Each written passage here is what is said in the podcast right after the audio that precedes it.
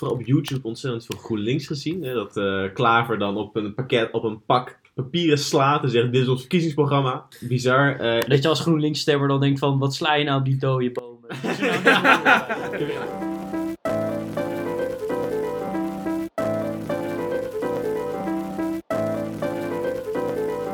Ja, lieve luisteraars, vanuit de studio in Utrecht is dit de eh, Witte Lieve Mannen podcast. Het is vrijdag 12 maart en dit is eh, met uitzicht op de Tweede Kamerverkiezingen op 18 maart. Is dit 17. onze... 17? Oh, Ja, zo de Lieve Witte Mannen podcast. Twee eh, feitelijke onwaarheden in... Eh, Laat mij, oké? Laat mij. Is dit onze verkiezingsspecial? Ja, de reden waarom ik 18 noem is omdat ik op 18 ga, ga ik stemmen tellen. Dus ik heb het 18 in mijn hoofd zitten van wanneer ik Ja, werkelijk iets moet gaan doen. Stemmen frauderen ga je zeker Nee, houden. nee, nee, nee, maak je geen zorgen. Democra het democratisch proces is is heel belangrijk voor mij. Nee, gelukkig maar. Maar deze aflevering gaan wij praten over de politiek en sociale media. En voordat we gaan beginnen wil ik nog even een shout-out geven naar Char. Char is de vriendin van Teun en zij heeft ons op dit onderwerp gebracht. Dus dat moet ik nog even melden. Dus uh, dankjewel voor het onderwerp. Als u ook een onderwerp, u kunt ons mailen op eh, info at sumo-media.nl voor uw tips en eh, onderwerptips bijvoorbeeld. En deze aflevering willen we het hebben over de advertenties op sociale media door politieke partijen. Nou, überhaupt het gebruik van sociale media door social Ja, media of social- sociale Ja, media. toch in, in bredere zin inderdaad. Want de invloed die het heeft, Ja. zoals op politiek, op discours, op groepsvorming, al dat soort zaken. Zeker. En dat gaan we waarschijnlijk in een, nou, nader, eh, eh, in, niet in een specifieke volgorde behandelen. Zoals gebruikelijk in deze podcast. Ja, in een random volgorde. Want ehm, laten we maar concreet beginnen. Wat hebben jullie allemaal in je timeline gezien eh, tot nu toe, jongens? Eh, ik heb in mijn timeline gezien GroenLinks, D66, VVD eh, en Volt. En ik denk, denk dat het daar wel ophoudt. Ik heb maar vier partijen heb gezien. Ik heb niet denderend veel... Ik, ben heel gemicrotarget goed. Heel Oké. goed gemicrotarget. En jij? Poeh, ik eh, ben Volt en D66 gaan volgen, dus heb ik veel gezien. Mhm. Verder heb ik wat GroenLinks een keer gezien, denk ik, op YouTube. En de po- een paar persoonlijke posts van Thierry Baudet kwamen in mijn Facebook timeline terecht. Dat zal wel gesponsord zijn of zo. En VVD en CDA heb ik niet zoveel gezien, maar ik heb het idee dat ze niet zo actief bezig zijn op de socials. Of dat ze het niet helemaal ja, door meer hebben. klassieke op televisie en zo. Maar ook wel Ja. veel hoor. Ja.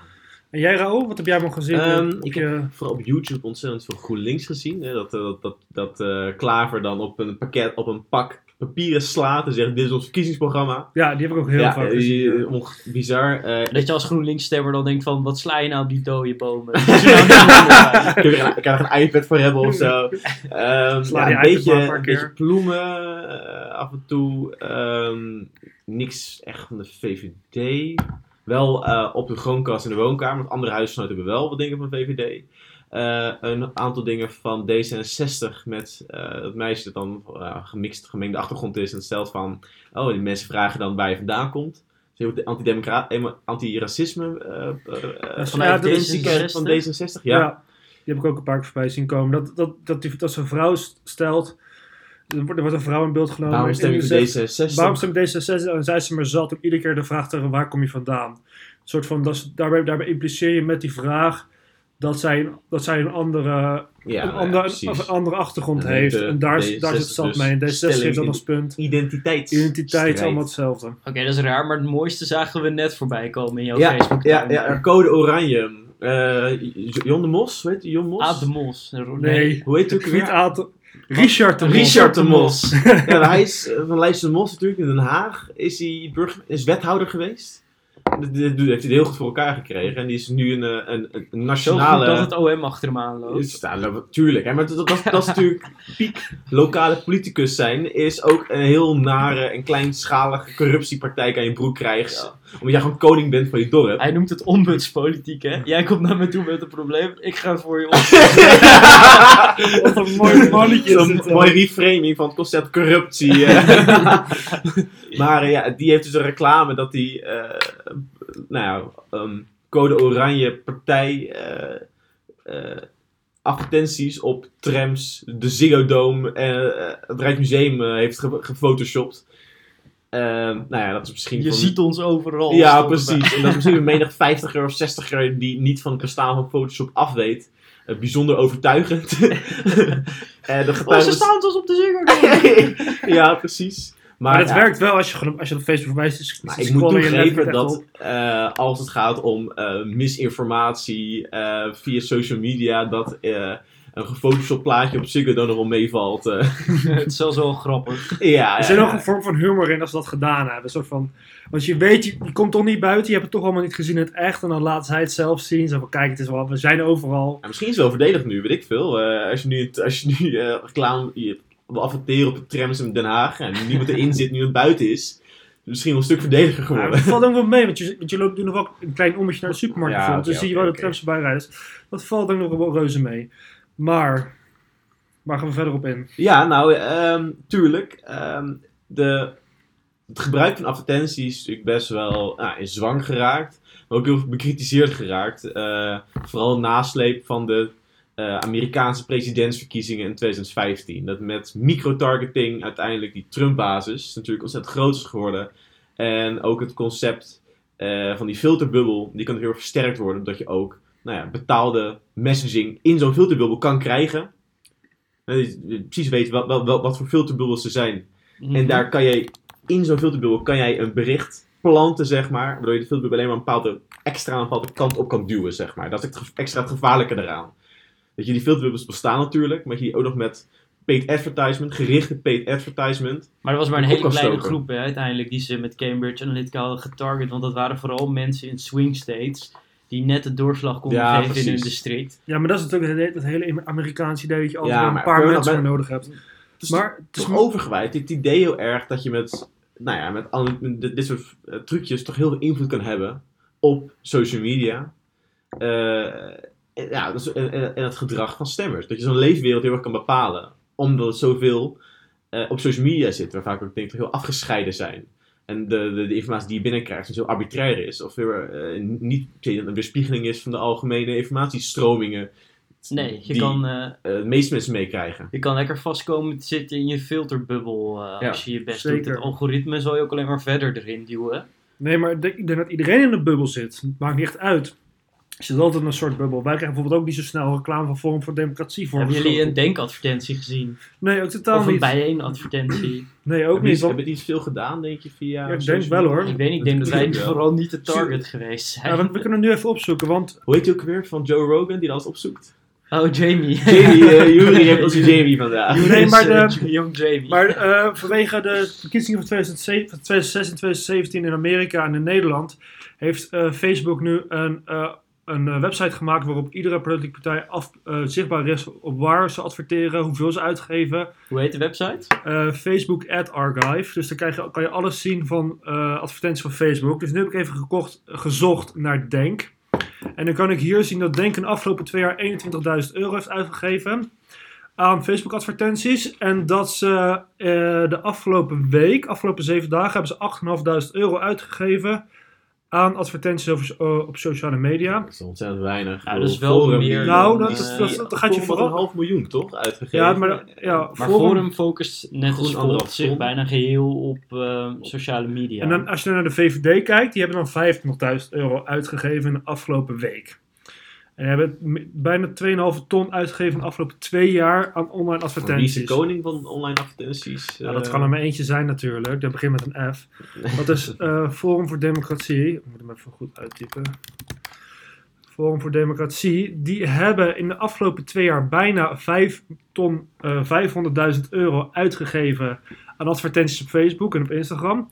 En in de afgelopen week 30.000 euro. Maar die leunen ook ietsje meer dan andere partijen echt op hun hele online Ja, die, campagne. die focussen zich echt volledig op de online campagne. Maar dat kan je ook wel zien gelijk in de, in de, in de data. Het is gewoon zichtbaar dat ze heel veel eraan uitgeven. Ja, ze heel veel eraan Dat moet ook wel, hè, want ze... Ze hebben natuurlijk geen natuurlijke achterban. Zoals andere partijen wel langer hebben. Die hebben natuurlijk een langer... eh, een langere en natuurlijke, achter, een langere natuurlijke achterban, zeg maar, die al, die al bestaat, die waar ze kunnen leunen en die, die zo hoog bij elkaar hoeft te houden. En via interne netwerken en kranten en zo. Dan voor hun werkt tv niet zo lekker als medium ook. in de Nee, campagne. Eh, Voor Forum. Nee, nee, precies. En vooral ook omdat ze natuurlijk via... Ja, inderdaad. Hun vormen natuurlijk heel erg het idee, juist, en de, de kracht ook van social media, dat je een parallel media eh, wereld kan creëren, die buiten zogenaamde mainstream media staat. Ja. Ehm, Want ja, je komt gewoon niet goed te veren. Die debatten die gaan helemaal niet zo lekker op televisie. En je loopt Weglopen weg. werkt ook niet mee voor Ja, hoe sympathiek je Het wordt is wel waar hoor. Ik bedoel, eh, Maar, veel maar, mensen... maar het weglopen is ook alweer een, een politiek statement dat ze stellen. Nou, daar krijgen ze wel Ja. heel veel rumoer. En die hebben wel weer weken, moeten de komende hele week over het weglopen. Ja. Gewoon, Maar ze zetten zich ook echt heel erg af met dat weglopen Ja. tegen... maar het, is, het is ook gewoon een ze statement. en ik weet media niet verkleinen of ook heel erg hun eigen eh, potentiële wereld. Namelijk alleen die mensen. Dus ik, natuurlijk in Amerika is misschien die groep groter. Dat mensen zich echt actief afzetten tegen het concept van mainstream media. En dat is wel een, een groeiende ondergroep in Nederland. Maar dat is niet een dermate grote groep. Want- Nou ja, het waren toch virtueel 28 zetels. eh. Ja, maar, Ja. Dat, maar dat is piek FVD. En dat is nog voordat ze zich echt massaal gingen afzetten tegen echt die mainstream media. veel- Nee, nee, maar deze is al langer. Ze waren al lang best wel boos op allerlei verschillende mediabronnen. En er waren ze al, zitten langer ze strijd te voeren van, oh, jullie zijn allemaal Je je kan links dit niet fout. echt als een marginale beweging wegzetten. Ja, maar ik bedoel, je merkt toch dat die partij toch wel uit elkaar ge- ge- gezakt is ook. Ja, maar, Met die omarming van, nou, bijna een soort QAnon-achtige Ah, ja. eh, Ja, maar discours. maar het is ook heel duidelijk- Die, die, die, die ja 21, natuurlijk, die, is, die vindt de linkse koers. Maar dat is veel, dat is, dat is anders. Inhoudelijke kritiek hebben op eh, NPO's anders dan een, dan, dan een structurele kritiek hebben op de media als mainstream media. En het concept dat die allemaal onder één hoedje spelen, zeg maar. En dat die ja, jou persoonlijk aanvallen. Dat ja 21, die toch veel van die gemaagde opvattingen deelt, als ze maar kan noemen, Maar die heeft het niet. Maar het, denk enige, het enige was toen is gewoon het complotdenken weghalen. En dan, maar ze hebben nog steeds dezelfde boodschap. Zo van de NPO en alles is tegen ons. Gewoon cultureel Zeg maar- constructief, heel constructief. Zeg maar, Geert Wilders wil ook niet naar een eh, nieuwsuur eh, debat toe. Naar een nieuwsuur eh, uitzending toe. Omdat hij verwacht dat hij eh, kritiek gaat krijgen. En dan gaat hij gewoon van weglopen. Want hij heeft gewoon geen zin in. Hij is er Ja, gewoon precies. streng op tegen dat hij het gewoon gaat doen. En dat is ook gewoon zichtbaar. Dus het is niet per se dat het sentiment nu verdwenen is, nu de partij is ingestort. Het is gewoon verplaatst.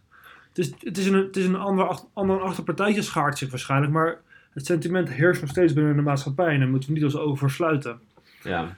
Ik heb echt het idee, en namelijk eh, er was ook heel veel kritiek op ook, dat eh, social media en die het bubble effect en nou, concepten zoals nepnieuws, dat die ook heel erg zouden bijdragen aan dat tekort aan vertrouwen in bestaande media en nou, splintering van publieke opinie. Mhm. En ik, ik ben. En dat, dat, dat zou dan per se slecht voor de. Het zou slecht zijn. Dat zou ook geen historische precedent hebben. Terwijl, ja, op een bepaalde manier, wat de periode die hiervoor hebben gehad in de jaren negentig, nou, een soort van end of ideology, end of history-achtige achtige tijdperk geweest, is er juist ontzettend veel vertrouwen geweest in een relatief kleine groep eh, Journalisten, journalisten, media. media, partijen die erg dicht bij elkaar lagen.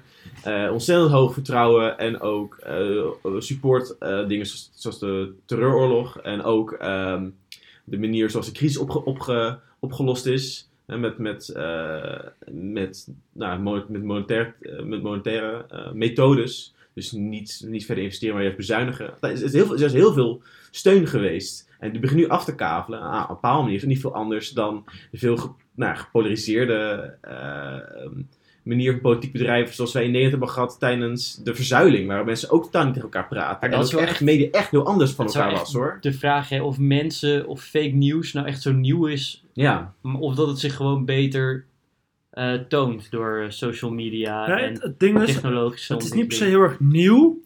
Alleen het verspreidt zich gewoon zoveel makkelijker over de hele, over de hele bevolking, zeg maar. Als je één keer, eh, als je één keer gewoon een, een, een nepnieuwsbericht hebt en, en wordt door een aantal mensen snel gedeeld, dan kan het heel veel mensen heeft, hebben het een bereik. Maar je zag ook dat met die eh, Facebook-advertenties, waar we net een beetje naar zaten te kijken, hoe- wat was het? Code Oranje had 100 euro uitgegeven aan een bepaald bericht en daar hadden ze een miljoen mensen mee. ja, dan kan je bijna een miljoen mensen kan je ermee bereiken. Voor minder dan tussen 100 en 200 euro kan je tussen de 500.000 en een miljoen mensen al je bereik.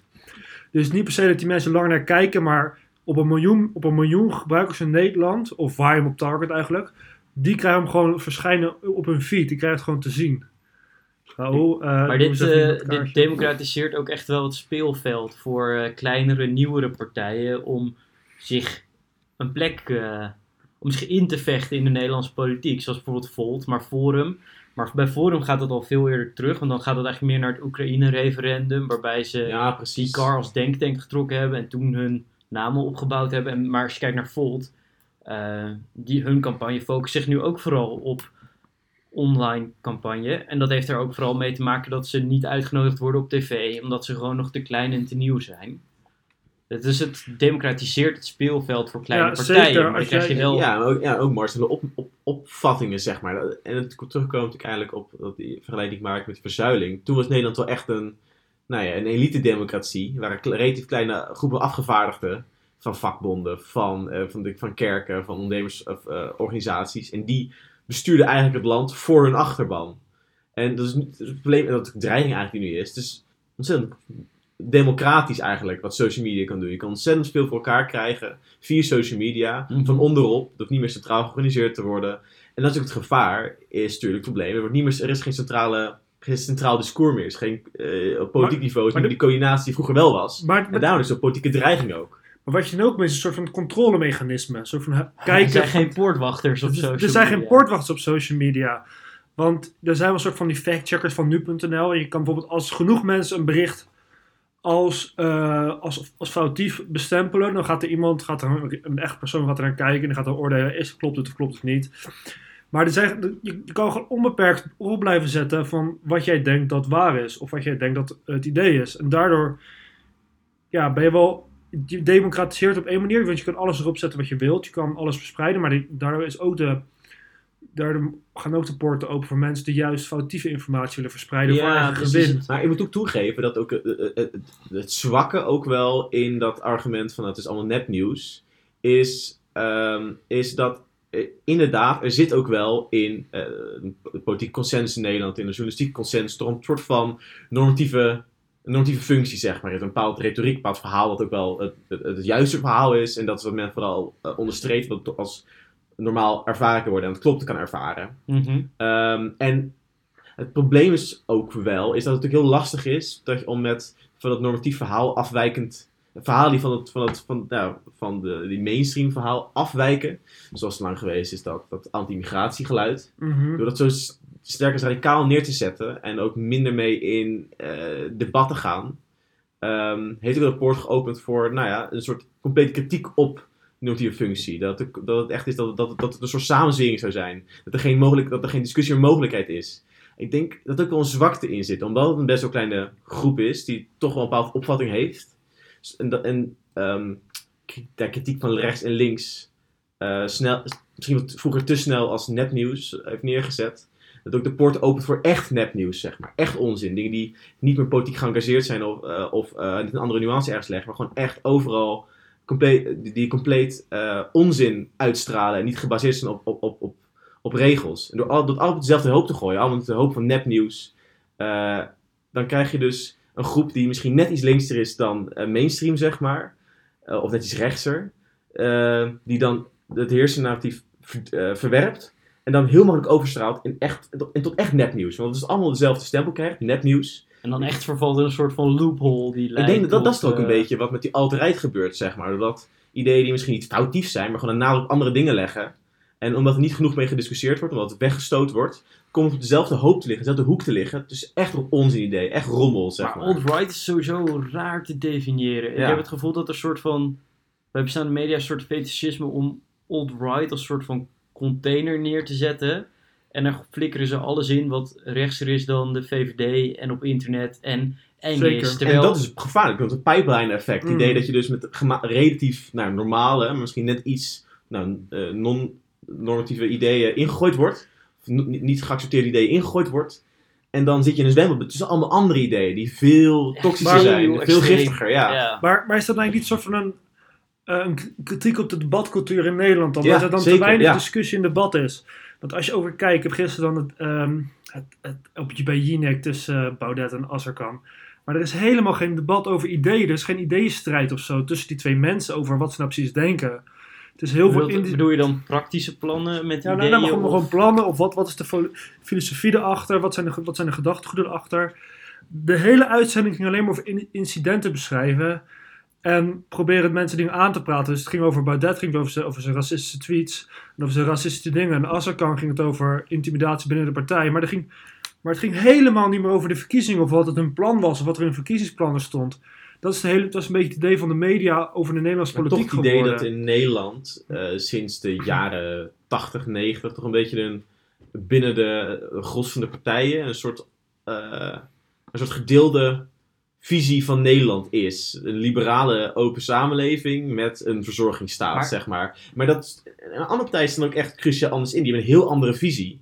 Maar omdat die Nederlandse visie, zo van wat, waar, waar staat hij echt voor? Wat voor, wat voor samenleving hebben wij voor ogen? Door het niet te benoemen, Mhm. enerzijds, eh, maakt, wordt dat beeld ook vager in het midden. Wordt, gaat alleen maar, als alleen maar zaken over randzaken, waardoor het niet duidelijk Maar- is waar gaat politiek echt over. En andere partijen aan de rand die echt een beeld schetsen, Hm. een idee, een opvatting, die zijn ook heel interessant. Want die geven het heel simpeler, maar wel heel erg ja, een, een uitgesproken beeld van wat is een samenleving, wat zien we daarin. Maar mag ik nog even terug naar het punt van Jury? Want wat Jury net eigenlijk schetst, is dat de informatievoorziening op tv eigenlijk heel slecht is. Want de Mhm. inhoud is totaal verloren en het, gaat alleen maar, het zijn alleen maar persoonlijke aanvallen en eh, incidenten worden naar voren Ja. gehaald. Dus dat zie je dus bij Als er kan in Baudet. Gisteravond heb ik heel even Mark Rutte en Geert Wilders bij Bij op Pauw. één bij Pauw. En het, dat was ook helemaal geen, eh, geen inhoudelijk programma. Het enige wat Geert Wilders zei was... eh, die kwam met een heel emotioneel verhaal over zorg. Eh, maar ja, tegelijkertijd biedt de man er zelf ook geen oplossing voor. En dat was een vrij... Was eigenlijk de enige stelling was... Ja, u doet alles verkeerd. En Mark Rutte had een soort van stelling aangedragen met van...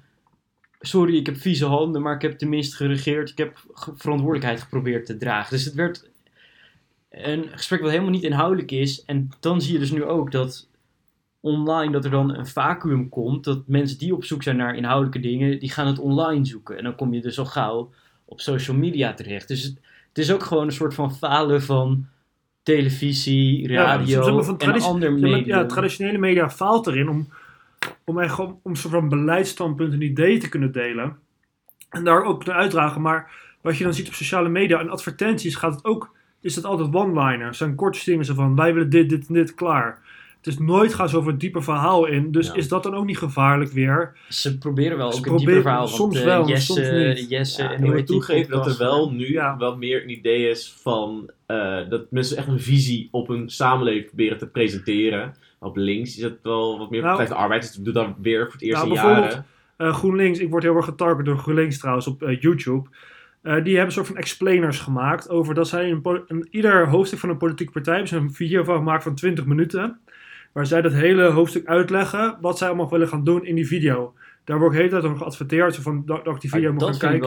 wel sterk. Dat is Ja. wel sterk. Alleen hoe vaak en hoe snel ga je nou echt op een video van 20 minuten drukken? 20 minuten is misschien te lang, maar als Dus dat een is wel- politieke partij dat is wel lastig dan. online kan presenteren in een kwartiertje, en dan wordt het ook toegankelijker voor mensen die meer lager geletterd zijn, om zich in te, ja, niet in te lezen, maar in te luisteren. Ja, Ja, zeg in te luisteren. Dat is, ook, dat is de informatie tot zich kunnen nemen. Want dat is, eigenlijk, dat is het meest belangrijke. Ja, en het eigenlijk. link eigenlijk wel is. Want het- vroeger is het wel echt meer over maatschappijvisies. Heeft, is het gegaan in de politiek. Je Frederik schrijft er heel erg over in, in zijn werk over de toeslagenaffaire. Dat er zo nu een probleem is dat de politiek heel erg op media reageert. En eh eindeloos debatten over voor mediamomenten neerzet. Mhm. Waardoor vaak grotere ontwikkelingen eh, buiten beschouwing worden gelaten. Of vergeten worden Er worden helemaal geen vragen gesteld Nee. aan Nee, de precies. ministers. Maar om het lang te pakken, vroeger, ik kan wel stellen, misschien in de jaren 80, 70, is het, he- is het wel echt over ideologie gegaan, ook in de Kamer. Van, en dat er contrasterende eh, ja, opvattingen waren over hoe een maatschappij eruit zou moeten zien. Maar ja, het probleem is er ook gewoon dat, wel echt, dat wel echt een, heel erg lang echt een consensus is geweest van wat voor maatschappijvisie er is. En dat dus ook niet meer over gediscussieerd hoefde te worden. Dat was een beetje het idee. Er was zoveel overeenkomst van wat, hoe we maatschappij zouden moeten zien, dat er niet meer, dat het niet meer uitgesproken hoefde te worden. Ja, maar trouwens wat je dan zegt over ideologische discussies in de Kamer, dat mis ik dan ook weer niet echt. Want veel van die ideologieën die dan aangehangen worden, die worden dan op zo'n eh, dogmatische manier Ja. weergegeven. Jury en ik zaten gisteren een goed een grappig filmpje, te kijken van Lilian Marijnissen, die, eh, die aan Thierry Baudet uitlegde wat neoliberalisme was. Echt speciaal geknipt voor het SP YouTube kanaal. En dan zit je daar ook naar te kijken en dan denk je van, wat is dit? Dit is zo'n dogmatisch wereldbeeld. Dat je denkt van, dit Ja. komt helemaal niet overeen met de Ja, werkelijkheid. het probleem is, ik denk dat het probleem is ook gewoon, is dat door, ook door de, door de ontzuiling, doordat die stemmers gewoon veel flexibeler zijn geworden, die, zijn, nou, die meer gaan, eh, zijn de partijen ook gewoon praktischer geworden eigenlijk. Pragmatischer. Dus van, wat moet je doen om een verkiezing te winnen? Nou, je moet het eh, debat heersen, je moet, je moet een goed beeld in iemands hoofd zetten. En daar gaan ze dan naar handelen, zeg maar. Maar wil je echt stemmen op een ideologisch vergezicht? Nou ja, ik denk wel dat het toch belangrijk is dat je toch een beeld moet hebben van wat is een samenleving, hoe ziet die vormen. Er zijn werkelijke verschillen tussen. En dat daarop, dat je daar toch wel een beeld van moet kunnen creëren. Maar- wat is het doel van politiek? Wat zou daarvan uit moeten komen? Want uiteindelijk is het dan een soort van zombie, die gaat dan een hoek op, die blijft een kant op lopen, die reageert alleen maar. Maar waarvan je ook niet, niet, niet uiteindelijk het koers van het schip kan volgen. Dat is zelfs soort ideeën die ook eh, geleid hebben tot die toeslagenaffaire. Dat er, doordat er alleen maar in detail werd gereageerd op dingen, werd het niet duidelijk waar het, de gehele beleidsbeweging toe ging. Is maar is dit niet een ding waar, waar wij als, wat wij heel vervelend vinden dan, wij persoonlijk? Dat wij niet weten waar, het land- waar, waar het heen gaat. Dat, dat, dat het eigenlijk maar een hele nichegroep is van mensen, een hele kleine kiezersgroep, die eigenlijk een soort vergezicht wil. Dat eigenlijk gewoon de gros van de mensen wil gewoon one-liners, coole quotes, vette Nou, weten wat het voor de portemonnee doet. En Ik weten wat voor de dat het port dat. best Ja. wel meevalt eigenlijk. Want uiteindelijk, mensen weten niet wat ze willen. Mensen weten wat ze krijgen. Ja, en wat krijgen ze? Zijn one-liners, een, een coole Ja. quote, zeg maar. En, en die vet geschoten video's en dan zo'n Ja. voice-over en dan dat in effect. Maar je merkt wel dat vergezichten op een bepaalde manier op de, op, de, op de randen wel interessant zijn. Juist die radicale, radicalere partijen. Ik bedoel, Baudet die heeft het daar wel... moet ik dan weer niet van de- aan denken dat die dan de regering zou Nee, vormen. precies. Nee, ja, ik- dat wat, ik, wat ik bedoel, om een soort van stukje hervertrouwen en herengagement, dat het belangrijk is om toch een soort van beeld van de vergezichten te kunnen neerzetten. Eh, waardoor mensen ook wel weten, wat is het idee, waar doen we voor? Ja, en ja, dat we maar als- een brede beeld hebben van een soort van visie waarin beleid ook een logische plaats heeft. Maar als de wedstrijdje vergezichten schetsen wordt, dan kunnen machtspartijen nooit winnen van die partijen aan de uiteindes. Want die, die schetsen een veel extremer ideologisch beeld. eh, wat waarschijnlijk niet waar Ja, is. Maar dan, dat valt wel mee. Ik bedoel, je, kan ook een, je kan ook de huidige situatie ook als een soort ideologisch vergezicht plaatsen. maar zeg dan wordt denk ik niet zo'n sexy vergezicht. Ik weet niet, wel, wat- dat is wat dingen bijvoorbeeld in Denemarken heeft het gedaan. Die partij daar, de Sociaaldemocraten, die hebben een soort vergezicht gecreëerd. Zo van, wat hebben we nu? Wat, wat kun je te behouden? Wat is Sociaaldemocratie die we hebben gemaakt? Dus ideologisch vergezicht, maar zeggen, nou, dat hebben we eigenlijk al. Maar het klinkt een beetje Als als, een CDA, zeg maar. Als Ja, is- maar, ze, maar ze hadden ook heel erg CDA. Die, de, de Sociaaldemocraten in Denemarken, dat is gewoon eigenlijk de Partij voor de Arbeid van Nederland. Maar wat hun idee was, ze zijn gewoon vrij socialistisch. De, nou, niet sociaaldemocratisch, sociaaldemocratisch. ja. Dit was een spreekfoutje van mij. Maar eh, ze hebben ook gewoon heel veel, heel veel bescherming. Dat was eigenlijk een hoofdthema van, de hele, van die hele verkiezingen. We gaan Ja. beschermen. Ons, ons, wat ons is, wat we nu hebben. We hebben zeg maar al die jaren weer zoveel mooie dingen opgebouwd. En we gaan het beschermen, bestaanszekerheid. Echt een beetje Ja, typisch CDA. Ook van, benoemen wat je hebt. Leuk, we, we hebben dit Maar al. ook we een zijn beetje gezellig. PVV-gevoel aan. Ook een beetje PVV. Ja. Maar, maar er valt ook wel weer mee, soort van. Het is niet. Toch hoopvol Het ideeën, is nog wel vrij eh, hoopvol brachten ze. het. Ze brachten wel, ze hadden een interessant idee erover gehad. Over hoe gaan we dit. Zeg maar, de mooie sociale. eh, de mooie verzorgingsstaat die we hebben opgebouwd. Die moeten we beschermen. Daar hadden we een heel verhaal omheen gemaakt. Ja, precies. Zo van: dit is onze identiteit. We hebben een verzorgingsstaat. We hebben gelijkheid. We Maar dan hebben wel met het vrijheid. En idee dan, ook dat immigratie aan banden gelegd moet worden. Want dat is volgens mij heel populair in Denemarken En dan- op dit moment. en dan wel. En Ja, dan nog is wel. het lastige eraan. eh, gekoppeld ook nog aan een iets strenger immigratiebeleid. Dus dat is dan weer het Maar schurende. dat zie je dan niet bij linkse partij in Nederland. Behalve Nee, als je de PVV een linkse partij Ja, ook Ja, niet SP links. ook wel hoor. De SP is anti-immigratie. Nou, nou, de arbeids- arbeidsimmigratie heel erg. Maar de SP die, die twijfelt overal tussen voor mijn gevoel altijd. Ze proberen het wel, Ja. maar de interne partij die is ook weer je tegen. hebt sowieso heel erg de dynamiek in die partij zelf, de SP, is dat enerzijds, nou ja, daar hebben we het eerder over gehad, dat je natuurlijk een, een, een socialistische vleugel heeft. Nee, dat is natuurlijk in- inherent internationaal. Alle Mhm. mensen hebben recht, bla bla. Eh, en anderzijds heb je een, oude arbeids, een, arbeid, een oudere arbeidersachtergrond, die ook in een vakbond geëngageerd is. Ja, en die zeggen van, inherent Wat we gewoon... hebben, moeten we houden. Ja, gewoon, gewoon minder internationaal, gewoon met mijn eigen volk eerst en ik wil Ja. mijn baan niet verliezen. Zeker. En dat is, ja, maar dat is gewoon dat is lastig van die partij zelf. Ja, daar moeten ze zelf uit gaan komen. Ehm, wat is verder nog? Eh, nou, zitten wij in een bubbel op onze, Ja. op onze eh, op sociale media? Ik weet niet man, ik zat ooit in een soort JOVD-bubbel, maar sinds ik daar niet meer lid van ben, en ik heb al die mensen op Facebook, en ik ben gestopt met Facebook eigenlijk, eh, zie ik ze niet zo erg in mijn Instagram-timeline. En ik Maar- merk maar- dat ik veel meer, ehm, veel meer de connectie met politiek überhaupt verloren ben, ten opzichte van eerder. En ik, kijk er nu vooral naar als een soort poppenkast. En ik probeer een keuze te maken die niet slecht is voor Nederland. En dat is mijn link met politiek op dit moment. Nou, onze, onze boomer van de groep. Die jongen die nog... Boomer. Ja, maar je gebruikt nog Facebook, lief schat. Geef voor memes natuurlijk. Ja, dat, En, dat en, af zeg- en toe, en af en toe een berichtje met oma te sturen ja, maar dat zeg je maar voor jezelf op, Zijn er oprecht te praten op krom Instagram? is. Ah, zo? Nou, maar, maar Mhm. eh, face- Facebook mama, vertel maar eens eventjes. Ik wat weet- eh ja, zie jij in bubbeltje? iedereen is natuurlijk in een, in, in, in, een, in een bubbel. Ook eh, het, het, datgene dat geaccepteerd is, het over, de- wat Rutger Bregman de Overton window noemt, zeg Ja. maar. Om maar even te mogen droppen. Eh, dat is ook een bubbel natuurlijk. Is ook een manier van denken, een paradigma, een, een, een, een geheel van ideeën dat normaal is, geaccepteerd is en wat, ehm, en wat geaccepteerd wordt, zeg maar, door de meeste mensen. Ehm, dus uiteindelijk is iedereen een bubbel. Niet, bubbelloos bestaan bestaat niet. Dat is wel belangrijk. Maar ja, ik, wel- ja, denk niet alleen op bubbel zit. Ik zit wel in een linkerhoek. En dat heeft ook te maken met studie en, en onderwerpen waar ik zelf in lees. En de Eh, waanbeelden die je hebt. geen baanbeelden, dat is visie heet zoiets. en als je maar vaak genoeg je scriptie blijft doen op Partij van de Arbeid, dan ga je nog in de L geloven ook.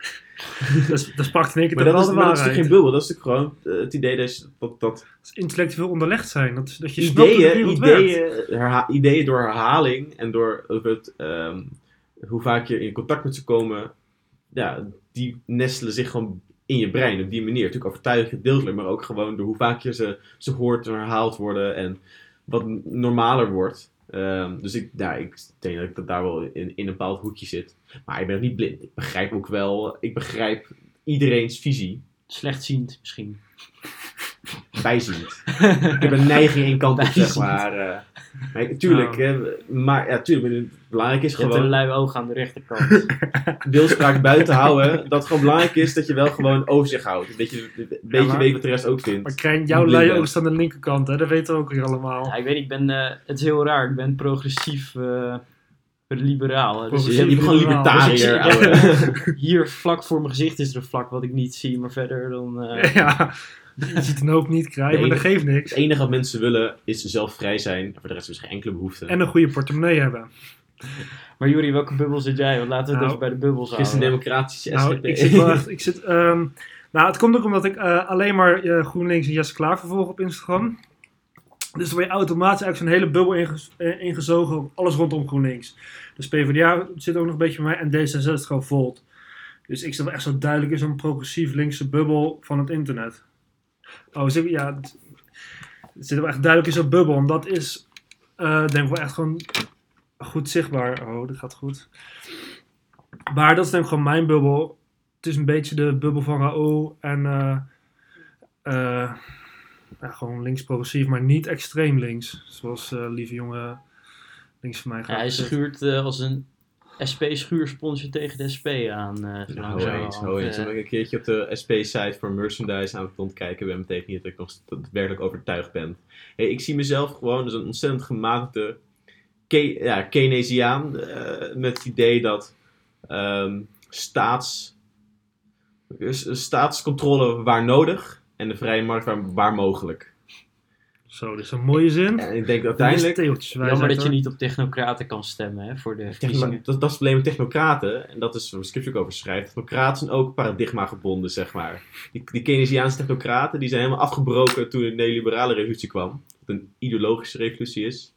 Ehm, en ja, toen waren technocraten heel plotseling heel anders van politieke kleur. Ja, daar kan wel mee gaan veranderen. Maar ja, technocraten zijn ook politiek, uiteindelijk. Heel veel economische, vooral sociologische opvatting is ook toch gekleurd. Technocratie bestaat niet, bestaat niet echt, zeg maar, in de sociale wetenschappen, ook niet de economie. Nou, zullen we eventjes ehm, een conclusie trekken uit dit gesprek? Ja, sorry. Eh, ja, voordat we weer heel diep jouw scriptie in eh, vallen. maar eh, so- eh, sociale media en advertenties en politieke partijen erop. Wat vinden we ervan? Zijn er, wat zijn de voordelen? Wat zijn de nadelen? En wat zou beter misschien We nog hebben een moeten? beetje een, eh, een slordige SWOT-analyse gemaakt. Er zijn strengths, weaknesses, opportunities en threats. Zeker maar, waar. Ja, het, is niet, het is niet eenduidig slecht of nee, eenduidig nee, nee, positief. zeker niet. Nee, daarom. Maar bijvoorbeeld wat ik wel echt een positief ding vind, wat ik, wat geleerd heb uit het gesprek, is gewoon de mogelijkheid voor democratie. Je kan als kleine partij of een kleine, eh, ja, zoals een Volt, gewoon als een heel, heel klein groepje mensen, kan je heel veel bereik al hebben via sociale media. Voor een niet, je hoeft niet per se eh, al helemaal binnen in het politieke systeem te zitten om mensen te kunnen bereiken. Dus dat is wel een mooi voordeel ervan. Maar alleen het nadeel is wel dat je echt zo, omdat je natuurlijk op sociale media automatisch in een bubbel zit, krijg je alleen maar dingen te horen die de bubbel bevestigen. Dat is ook weer een soort van een gevaar van de sociale media. Maar Dat je alleen maar soort van krijgt te horen eh, wat, je, wat je verwacht krijgt te horen. En eigenlijk moet je dan ook een soort van misschien iets instellen dat politieke advertenties meer gespreid moeten worden. Zoals een andere aantal linkse partijen ook al gesteld hebben, minder microtargeting. Maar ik weet nog niet of dat nou echt de oplossing is voor Maar wat je net zelf zegt, en dan eh, dat gecombineerd met die nieuwe transparantie, met die site van Facebook, met die, hoe heet die site ook alweer? Eh, de Facebook at Archive. Nou ja, dat vind ik wel, dat stemt me toch optimistisch. Ja, dus iedereen kan zeg maar inzien welke advertenties politieke partijen eh, tonen. Want bijvoorbeeld in de verkiezingen van Trump was er heel spe- specifiek getarget door groepen. Eh, om echt specifiek eh, leugens te gaan verspreiden, zodat Ja. ze op de andere partij zouden gaan stemmen.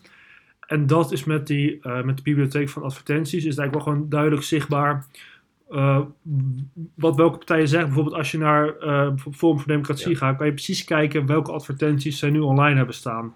En dan kan je eigenlijk ook gelijk filteren, zijn het leugens of is het gewoon een standpunten? En sowieso, volgens mij Facebook en, hebben Facebook en Google ook op een bepaalde manier hun ehm, beleid aangepast. Dat die microtargeting minder mogelijk is. Het minder precies kan zijn. Je moet met een bredere eh brushstrook, zeg maar, kan je nu slechts mensen aankiezen. Mensen eh, laten selecteren.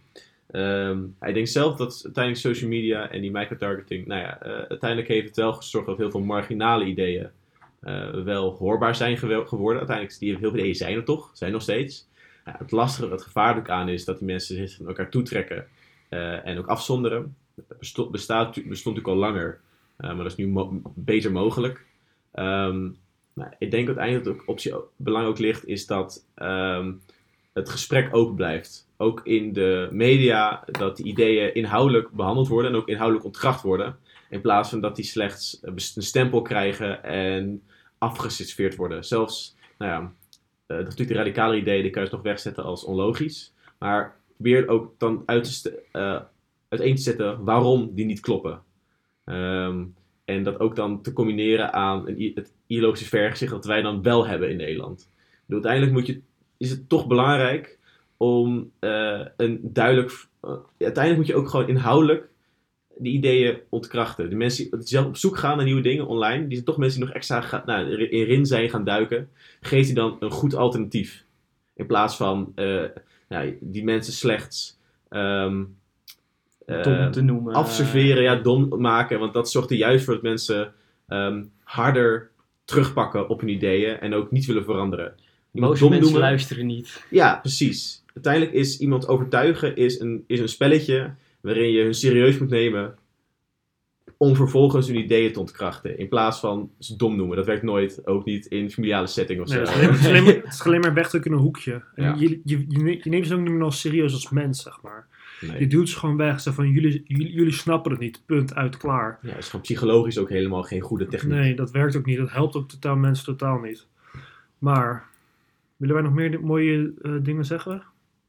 Ik denk dat we dus ten einde zijn gekomen van onze podcast. Ehm, ik wil hierbij Krijn, Jury en ehm, mezelf een beetje bedanken dat we hier Anders weer... wij jou wel. Ja, bedank je ook wel. Dank je wat Top. je hier weer was. Eh, bedanken voor, eh, voor jullie aanwezigheid weer, jullie mooie woorden. Ehm, eh, eh, aanstaande dinsdag komt hopelijk weer een podcast online. Ehm, dus daar kun je dan uit, naar eh, uitkijken. Like en subscribe. Like en subscribe. En, Eh, eh, en vergeet niet te abonneren. Ja, maar vooral abonneer voor onze podcast in jouw favoriete podcast-app. Zodat wanneer wij een nieuwe aflevering online zetten, jij direct toegang hebt tot deze prachtige aflevering. Precies. En we hebben ook een Instagram pagina eh, die ook gevolgd kan worden. Er staat nog weinig op, maar daar zal... We hebben al wel 17 trollen weten te vangen met Sumo Media Podcast met lage streepjes. En dan vind je ons zeker. Top. Komt het helemaal goed. Nou, bedankt voor het luisteren en tot de volgende keer.